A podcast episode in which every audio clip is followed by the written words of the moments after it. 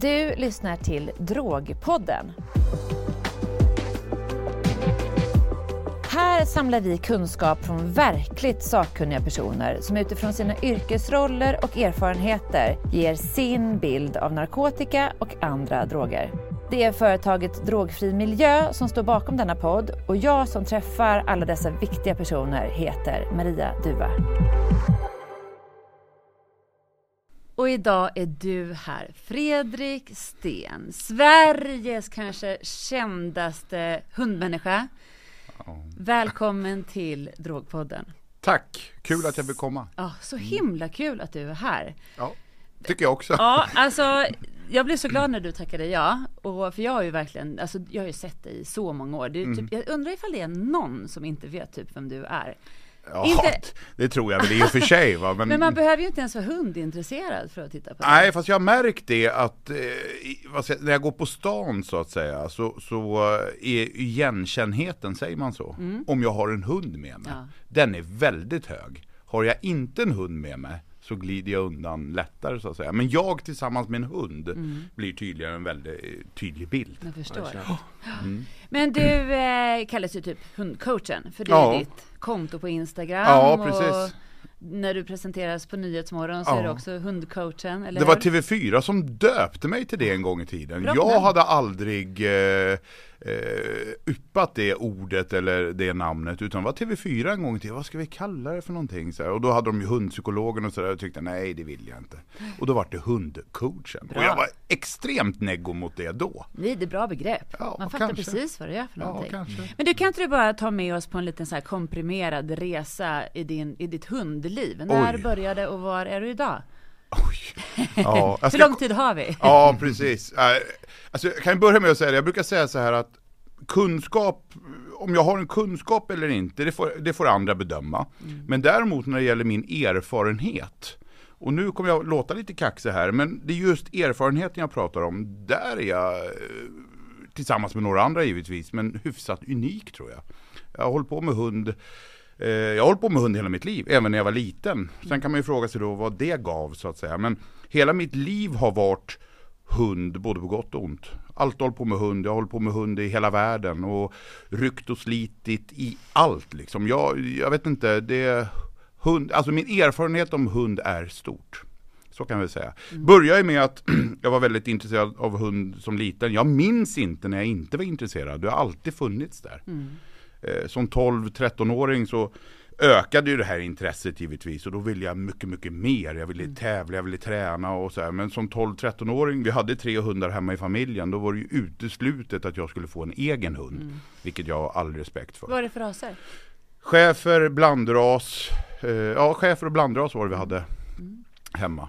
För det känns ju som att du sen nischar lite på chefer där i början, eller? Ja, jag, Ja. alltså skulle jag inte vara, alltså skulle jag, är jag tvungen att välja en hundras, då är det chefer för mig. Yes. Eh, och det är av den anledningen att jag är väldigt tävlingsintresserad och, och, och jag, gillar ju, jag gillar ju bruksarbetet, alltså då vi pratar spår, lydnad, skydd och hela det här paketet. Och då är ju, det finns ju några eh, som tror att de kan konkurrera, men i stora hela så att säga, då är ju chefer en väldigt, väldigt härlig allround-hund. Och det är därför jag, alltså det var därför, det är därför jag jobbar mycket med chefer.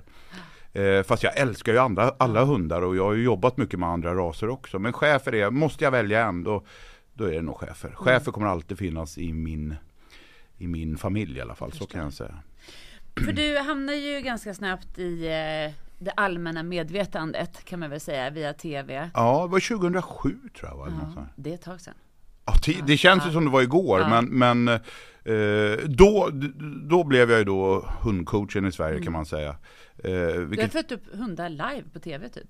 Alltså du Ja, från, nästan. Ja. från dräktig till Ja. valp och så, ja, Ja. eller hur? Och där har ju faktiskt då TV4 varit en, alltså när det gäller det jag gör på TV4, framförallt Nyhetsmorgon vill jag säga, de är väldigt, väldigt, vad ska jag säga, eh, öppna. Jag styr ju nästan själv vad vi ska visa där och jag tycker det är väldigt fint av dem Ja. faktiskt. Och de lyfter mycket bra ämnen och, och så då. Så jag är jätteglad över Nyhetsmorgon. Väldigt härliga att jobba med. Ja, det håller jag faktiskt med om. Jag har ju varit där några gånger med, jag tror vi har träffats där. Ja. Men eh, sen blev det bok, Ja, det är ett gäng. ett gäng. Mm. Ja.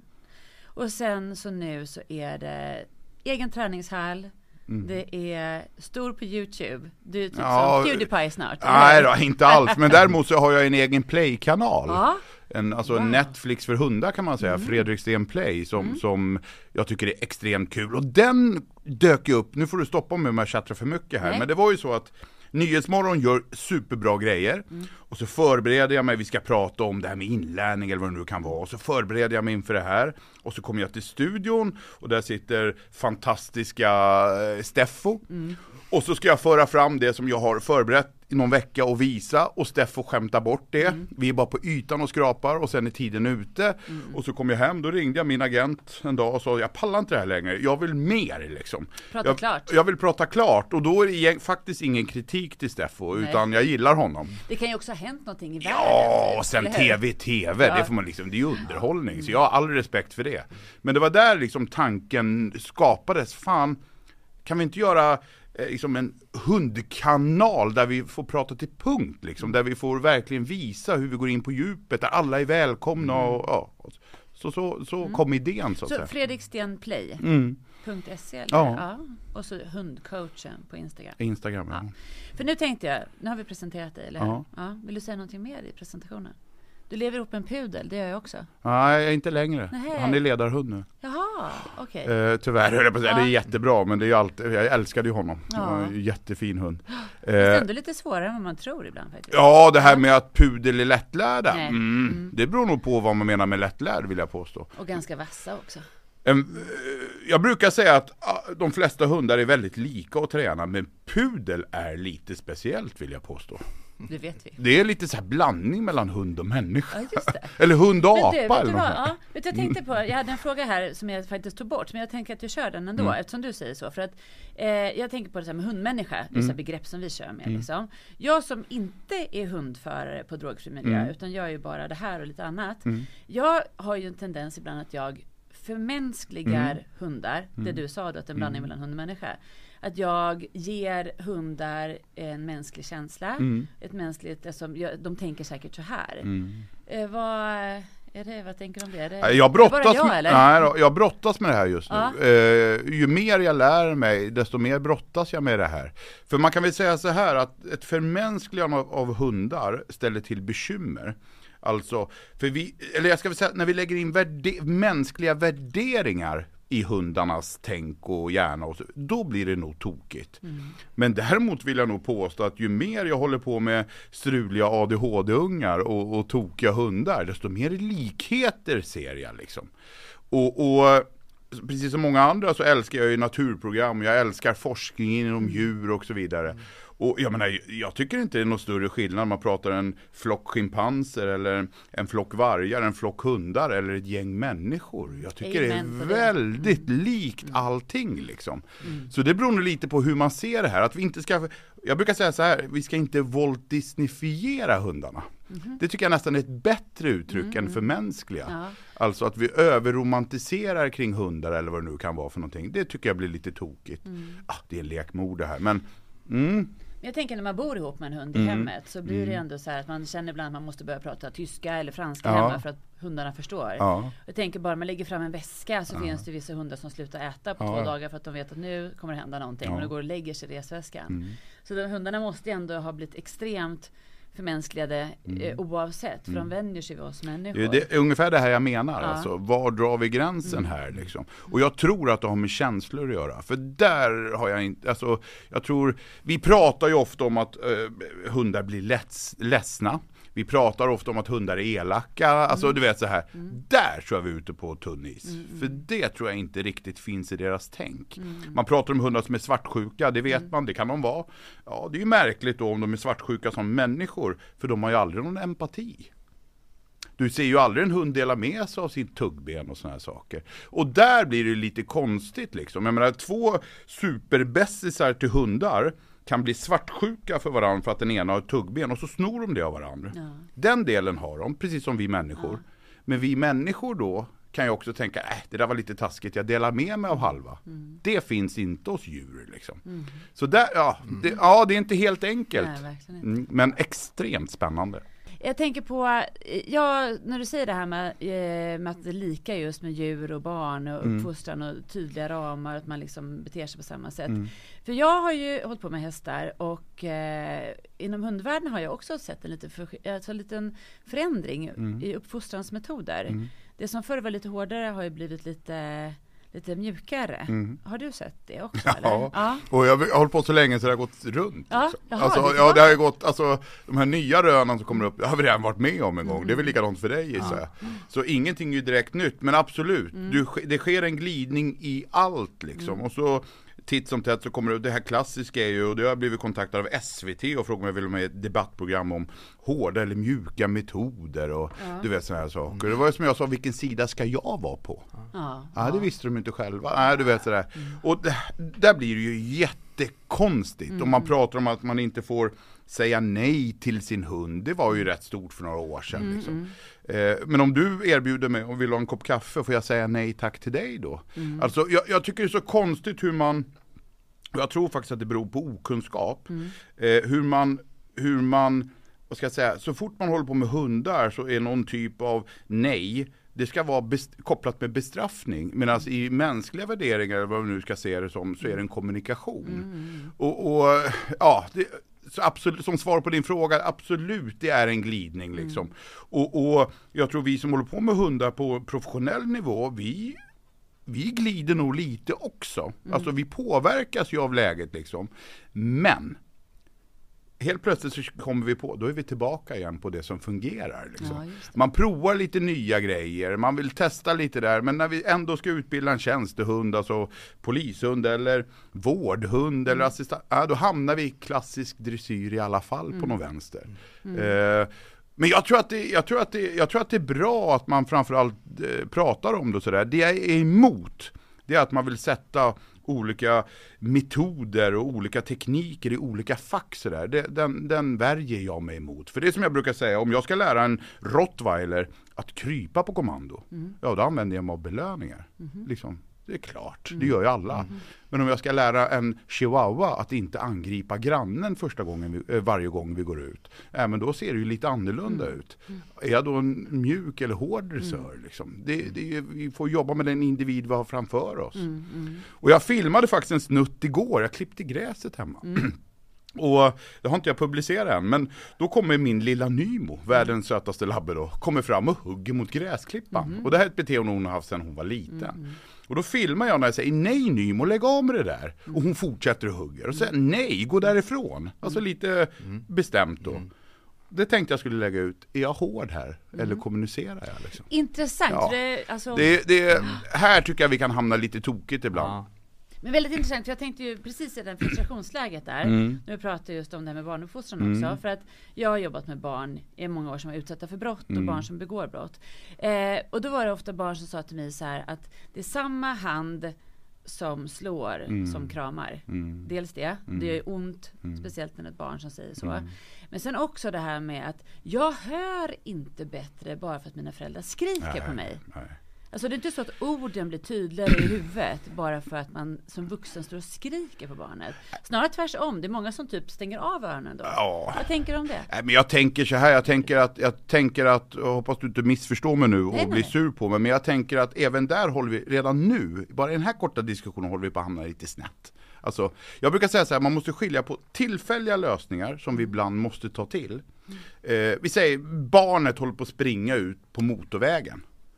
Ja, jag har inte tid eller möjlighet att muta med en glass för att barnet ska vända. Jag måste greppa ungen i jackan och släpa tillbaka den. Det är en tillfällig lösning som vi tvingas ta till. Det innebär ju inte att det är så vi ska träna barn och inte springa på motorvägen. Den träningen gör vi på annat sätt. Liksom. Och här, hamnar vi, här, här väger vi ofta då alltså, tillfälliga nödvändiga lösningar mot att det skulle vara någon träningsteknik. Och så använder vi det genom att angripa varandra. Så där blir det lite tokigt tycker jag då. Alltså, det handlar ju alltid om, tycker jag, med barn och med hundar, att förekomma. Att visa och lära så att individen kan göra rätt.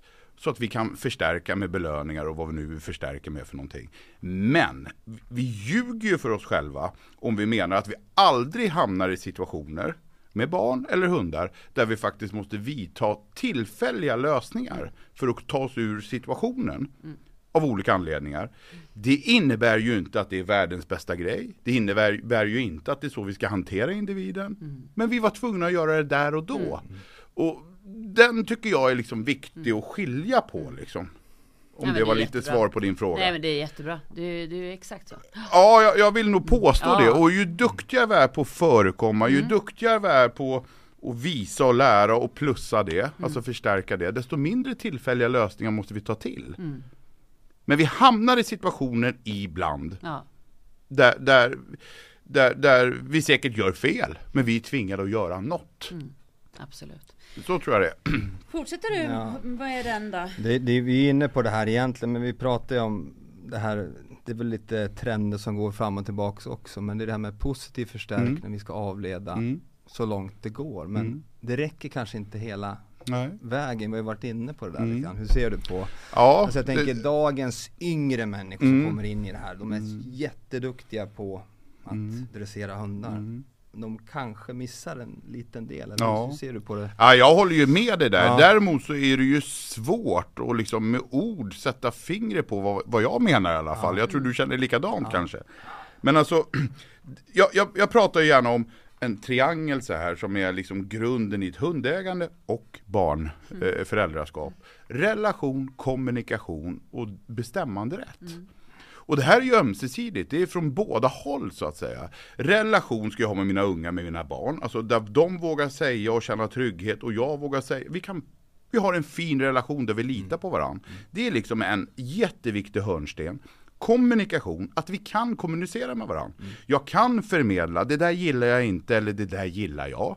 Alltså åt båda håll. Hunden kan göra exakt samma sak, ungarna kan göra exakt samma sak. Sen har vi det här med bestämmanderätt. Det är vi bättre på när det gäller barn, vill jag påstå. Men vi glömmer ofta inom hundträningen så att säga.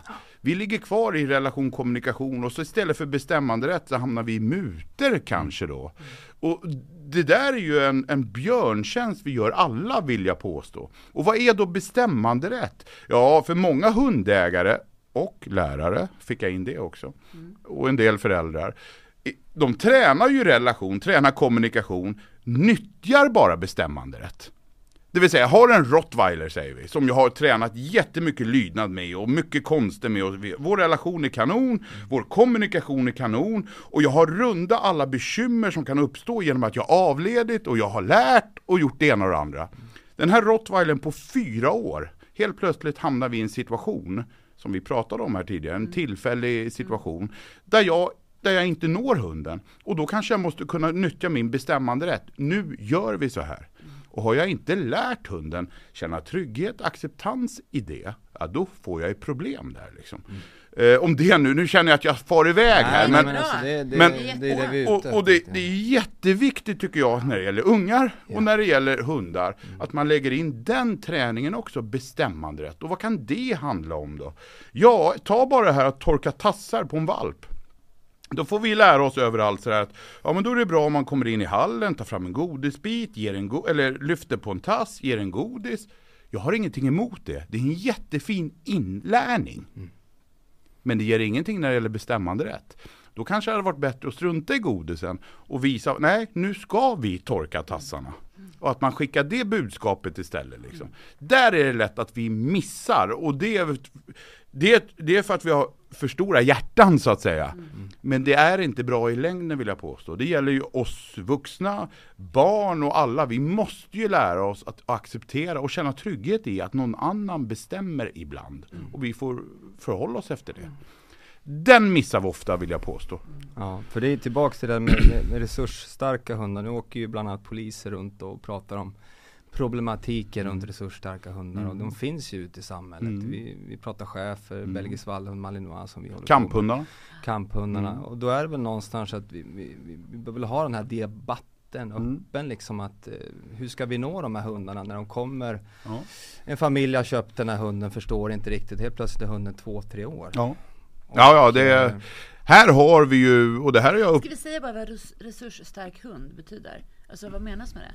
Vad säger vi? Vad har vi för... eh, synonym? Ja, i min, om jag börjar då, Ja, i min värld är det en hund med, med kanske, det här kan ju vara lite olika ingredienser, alltså du kan ha en stor integritet exempelvis, att hunden känner, säger att ja, alltså, låt mig vara, du har en stor kamplust. Eh, stor skärpa, stor försvarslust. Alltså, framförallt kamplusten är ju lite klurig tycker jag. Det är ju den egenskap vi vill ha på hundar vi jobbar mycket med, men det är också den egenskap som ställer till väldigt mycket bekymmer. Eh, tycker jag. Ja, men, Fyll gärna på där om ja, jag nej, missar men jag, något. jag håller med dig, det är ju det, är ju det här man så att säga hamnar i någonstans. Hunden ska ju också få ut energi någonstans. Mm. Och eh, det är ju det här att vi måste också sysselsätta den här Ja. resursstarka hunden Ja. på något sätt. Eh, för någonstans pyser det ut Ja, på ett visst. eller annat sätt. Eh, men det finns ju, man ser ju riskerna när det Mm. blir vi ska bara avleda, vi får inte bestämma. Nej, på. den, den är där är jag ju kritisk alltså. Mm. Eh, eh, och jag pratar väldigt mycket om och visar väldigt mycket om just det här med bestämmanderätt och grejer. Och jag tycker, här behöver man inte göra det så jävla klurigt. Man kan, man kan gå till till sin partner eller till sina barn eller, och liksom tänka så här, när utnyttjar jag det här med bestämmanderätt och så vidare. Ja, då är det inte så dramatiskt som det kan låta.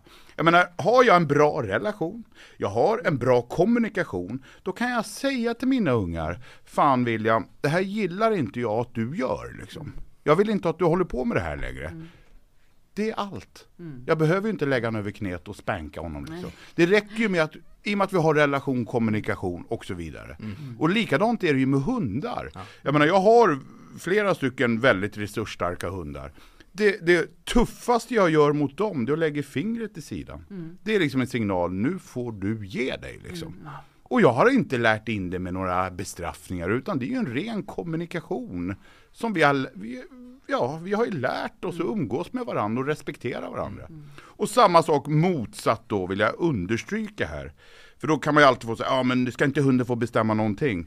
Jag säger ju hela tiden att det går båda vägarna så att säga. Går jag in med dammsugaren i min 16-årings rum så får jag en avhyvling. Farsan, jag har sagt åt dig inte att städa i mitt rum.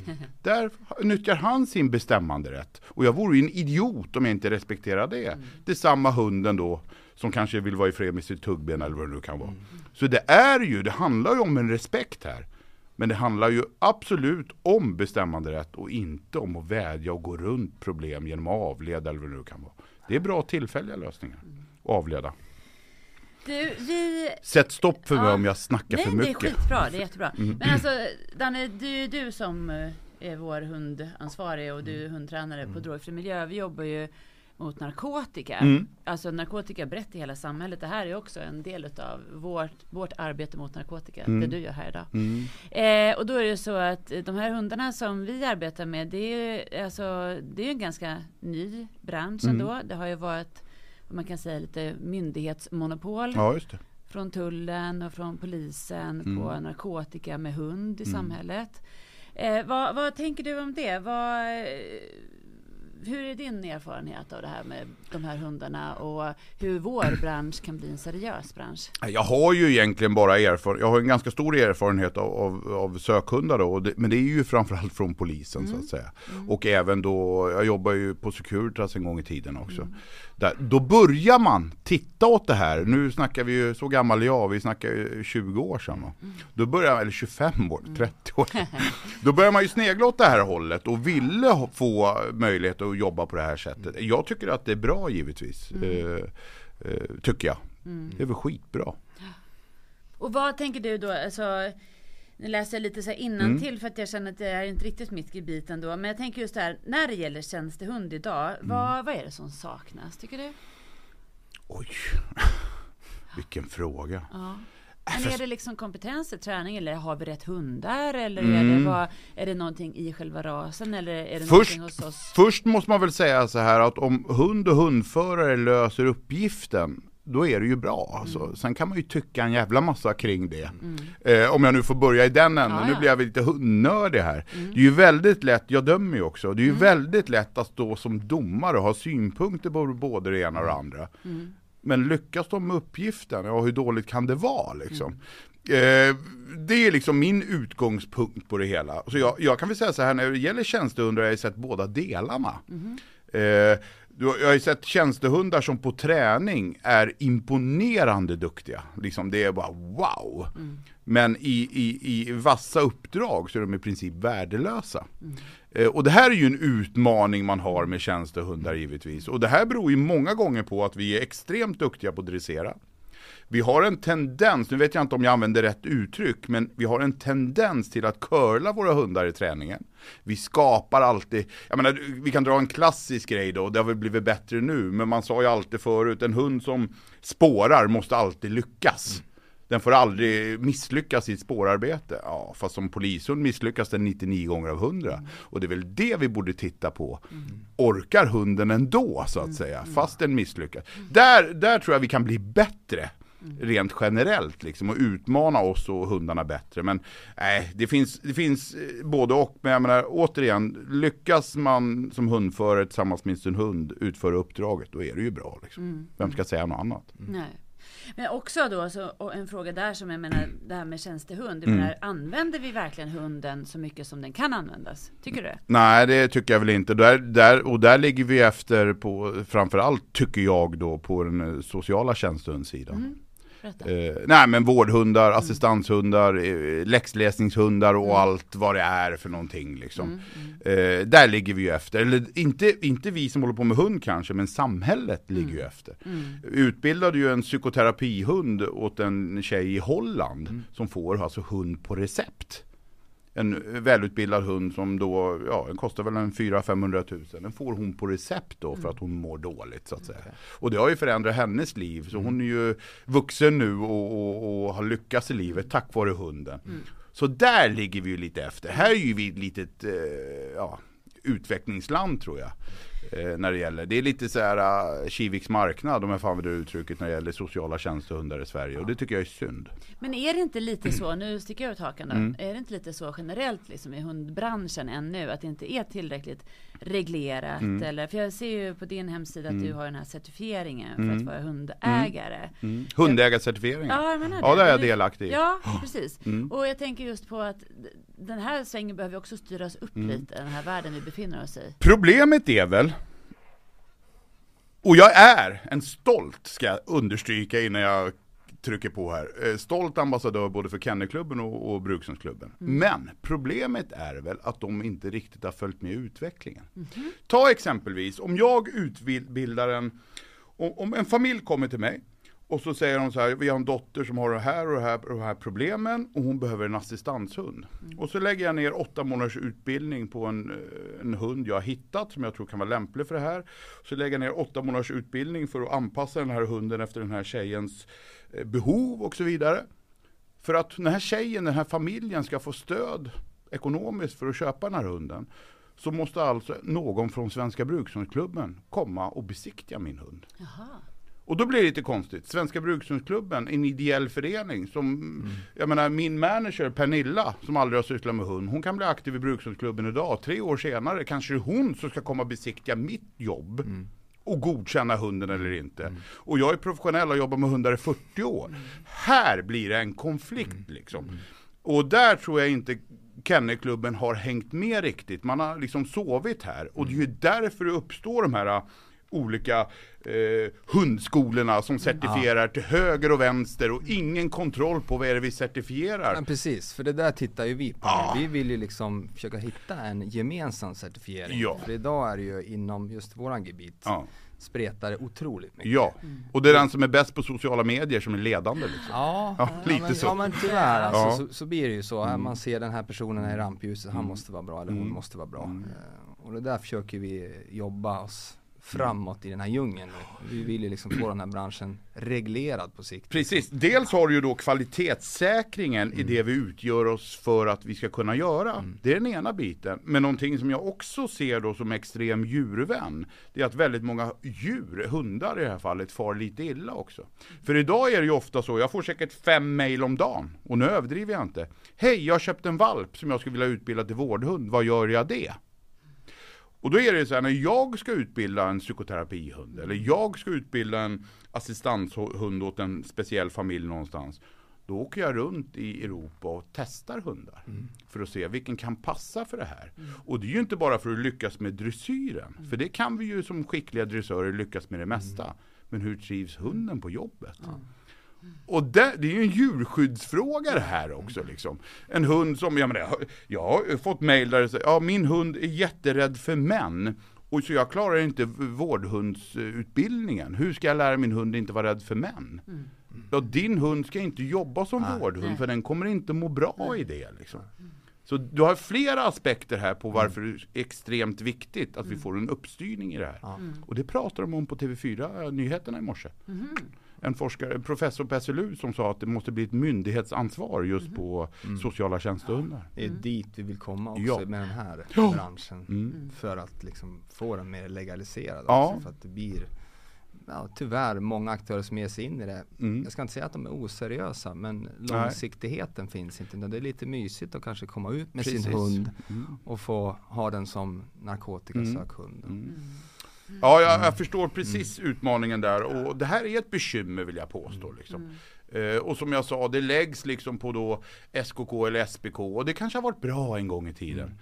Men mm, du vet, det är svårt. Jag menar, när jag betalar en räkning till SKK får jag inte ens moms på fakturan. Alltså om du förstår vad jag menar, de ligger ju efter något så fruktansvärt i hur samhället ser ut idag. Och det är ett bekymmer. Ja, Mm. men det här är i alla fall, alltså det är ju en otroligt, det är en otroligt rolig värld vi befinner oss i. Ja, Man kan ju verkligen. verkligen, alltså det händer ju rätt mycket hela tiden. Mm. Men du, alltså bara, bara en så här liten generell fråga Mm. från mig då, ett litet inpass. Alltså hur mår hundarna i Sverige då? Jag tror de mår väldigt bra. Det är så? generellt. Ja. Ja, det tror jag. Det vill jag påstå. Sen kan allting bli mycket bättre givetvis. Mm. Liksom. Sen är det ju så här att man kan ju också diskutera det här som jag aldrig hade diskuterat för 20 år sedan. Mm. För då hade jag inte samma ja, erfarenhet som jag har nu. Tack och lov, man får ju erfarenhet. Men man kan ju diskutera så här, vad mår en hund bra av liksom? Mm. Det är ju nästa grej så här, som nu, det är ett filosofiskt ämne nästan. Så här, ja men som min schäfertik, hon älskar att träna lydnad med mig. Ja men skulle hon inte älska att gå lös hemma? Och få gå runt i området lös och sådär. Ja det kanske hon skulle älska ännu mer. Alltså det är väldigt svårt att värdera det här och, och vi har samhällets krav på oss och du vet så här liksom. Eh, Vi pratar om vi måste ha en 100% inkallning. Ja, ska jag alltid ha bestämmande rätt då? Hunden vill något annat men jag ska kunna bestämma. Ja, hur, hur, hur välmående är det och så vidare. Det här är ju en, oh, det är nästan så jag inte orkar tänka på det. Men det, den finns ju där trots allt. Nej, jag tänker på att det blev fler hundar också under pandemin. Ja. Och vi ser ju bara, eller jag står ju vid sidan om när de tränar. Mm. Och äh, alltså arbetsviljan är ju något makalöst i de här hundarna. Alltså. Ja. Det här eh, enorma drivet som de har. Vi jobbar ju mest, du kan ju berätta om våra hundar höll på att säga. Men du kan ju, det är ju mallar och schäfrar också. Ja. Ja. Ja, vi binder oss inte till någon ras utan vi tänker individ. Ja. Eh, är det en bra malle så är det en bra malle. Ja. Är det en bra cocker så är det en bra cocker Eller jaktlabbe för den delen. Blandis Eh, kanske också. Blandis, Mm. Har ni någon sån? absolut. Har ni Eh, någon inte, blandis? jo det har vi faktiskt. Mm. Jag höll Vad på säga tror. nej. Mm. Ja men det är en blandras. Mm. Det, det är faktiskt chefer, mix och vad det är mer. Ja det ska vi väl titta lite mer på. Ja. Men det är, Ja. det är en mix. Ja. Det, det är vi ganska säkra på. Mm. Eh, men fantastiskt eh, fin hund. Mm. Så att, eh, Jag brukar säga det så här att, att jag menar jag har varit i Asien och hållit på med hundar, i, i Sydamerika, ja i hela världen, ja inte varenda land men alltså i stora delar av världen. Och jag brukar säga det, är det någonstans jag vill vara hund på, om jag nu skulle vara hund, så är det ju Sverige. Det råder inga tvivel om det liksom. Sen kan allting bli bättre, men Sverige är för hundens, alltså det, du kan ju gå allt från veterinärvård till hur vi tar hand om våra hundar. Så vill jag nog säga att det, Sverige är ett av de absolut bästa länderna att vara hund i. Apropå om de mår bra eller inte. Ja, Sen har vi ju lyxproblem givetvis. En stor del av våra hundar är överviktiga. ja. Eh, Sådana typer av problem har vi ju. Vi har ganska mycket felbeteenden vågar jag nog påstå. Och det beror ju mycket på det vi har pratat om här för en liten stund sedan. Eh, Så det, vi har ju problem också, men jag vill nog påstå att överlag så är de väldigt välmående. Jag är stolt över att vara svensk när man håller på med hund. Så kan man väl uttrycka det. Vi är ju stolta också att jobba med hund. Det tycker jag är bland Mm. det coolaste som finns. Jag älskar ju det här lagarbetet med en hund. Alltså det, Fascinerande. Vi eh, börjar ju närma oss lite slutet på det här poddavsnittet. Jaha. Det är redan sånt här färdigt. miniavsnitt. Ja, jag vet. Det ska vara som en lagom promenad Ja, ungefär ja, 40 ja. minuter. Men Danne, vad, vad har du kvar för frågor? Vad, är du, vad, har du, vad har vi missat som vi skulle ta? Ja, Vi har väl inte missat så mycket, vi har ju berört de här eh, punkterna men det diskuteras ju också faktiskt eh, kopplat till de här resursstarka hundarna. Mm. Vi tittar internationellt, det har hänt olyckor med schäfer, malle, de biter människor vid fel tillfällen och så Mm. vidare. Det är nästan diskussion, behöver vi ha den här typen av raser? Mm. Så det är intressant att höra din Nej, jag syn tycker det är en jättebra fråga och, och jag tycker, direkta svaret på det här är ju ja. Mm. Men, som domare då, som dömer skyddsprov och sådana här saker, och nu är jag självkritisk, eh, det är ju det att vi människor attraheras ju alltid av det extrema. Och det är inget bra. Eh, när jag står och dömer ett skyddsprov exempelvis, det är klart som tusan att jag attraheras av den riktigt resursstarka hunden. Wow! Och så får den högsta poäng. Eh, Dömer man utställning så fungerar det likadant. Åh, en övertypad hund, wow! En mops, gud vilken kort härlig nos den har. Och så, alltså, vi blir osunda i det här attraktionen av det extrema. Och här har ju, nu får Kennelklubben mycket stryk här. Eh, här har ju Kennelklubben ett enormt ansvar när det gäller oss domare att påpeka att det är normalhunden som ska vinna. Det är normalhunden vi vill ha. Vi vill inte ha de här hundarna som knappt går att hantera. Eh, oh, men de är jävligt balla i sitt modprov och så här. Men vi har ingen nytta av dem. Och när jag, när jag jobbade hos polisen då under sex års tid, så testar vi ju många hundar. Och det är nästan alltid så här att hunden som L-testas. alltså gör den här lämplighetstesten för att få, få påbörja sin polishundsutbildning. De hundar som testades med kan prövas som polishund. Man skulle haft lite mer i hunden. Mm. Det är nästan alltid de hundarna som arbetar livet ut och gör enorma insatser. De här hundarna som, där alla testledare står och skriker bara Yes! Honom ska vi ha! Du vet sådär. Ja, de slås ofta ut. För de går inte att kontrollera efter ett år eller två. Eller de straffar ut sig själva på det ena eller andra sättet. Och här är ju någon, eh, som jag är delaktig i, någon sjukdom vi har. Där vi ska attraheras av det extrema som vi inte kan kontrollera. Och vad händer då? Ja, då är vi inne på dressyrmetoder som är oetiska, elaka, som kan påminna om tortyr och så vidare. Vilk, Av vilken anledning? Där har vi också mycket att göra kan jag säga. Ja, Om det är ett svar på Ja, den nej, frågan. men det är det Ja. absolut. Det är lite den debatten som är, som är viktig att, Ja. att ha med. Vi måste Mm. kunna hantera de här hundarna också. Ja, och precis. Och när vi, framförallt när det gäller tjänstehundar så är det ingen som har varit, eh, vill jag på, det finns kanske undantag, men jag vet inget, där, där extremhunden har varit den bästa tjänstehunden, det har jag aldrig sett. Utan det är den här medelmåttan liksom. Det är där det är där det händer grejer som vi kan kontrollera, som vi kan styra, som är lagom motiverad för det den gör. Den är oftast den vassaste vill jag påstå. Gott. Ja, gott. Vad bra. Vad tydligt och härligt det här att lyssna till. Det är väldigt lärorikt. Verkligen. Ja. Två hundnördar. Ja, men jag lär mig Kan sitta massor hela tiden. Ja, Ja, verkligen. precis. Men så jag tycker ändå att det är oerhört intressant det du säger, för jag har också sagt det från det att jag själv fick barn. Mm. Min dotter är lika gammal som din son. Ja. Eh, och eh, det är inte så stor skillnad egentligen. Nej, jag tycker med, inte. Nej, faktiskt inte. Ja, och vi är ju så tacksamma och då tänker jag bara säga det igen. Det är ju Fredrik Sten Play. Fredrik Sten Play som Ja, jag. Sten Ja. med två E. Ja. Ja, precis. Och hundcoachen. Ja. Mm. Och så får vi vara så himla tacksamma att du kom hit. Stort tack för att jag fick komma. Verkligen trevligt. Tackar, tackar. Tack. Tack. Nu har du lyssnat till Drogpodden och den görs av företaget Drogfri Miljö. Vill du veta mer om oss och hur vi jobbar då går du in på vår hemsida drogfrimiljö.se. Bästa sättet att hålla dig uppdaterad är att följa vårt Instagramkonto som heter Drogfri miljö. Tack för att du lyssnat och tipsa gärna alla andra som behöver lyssna och lära.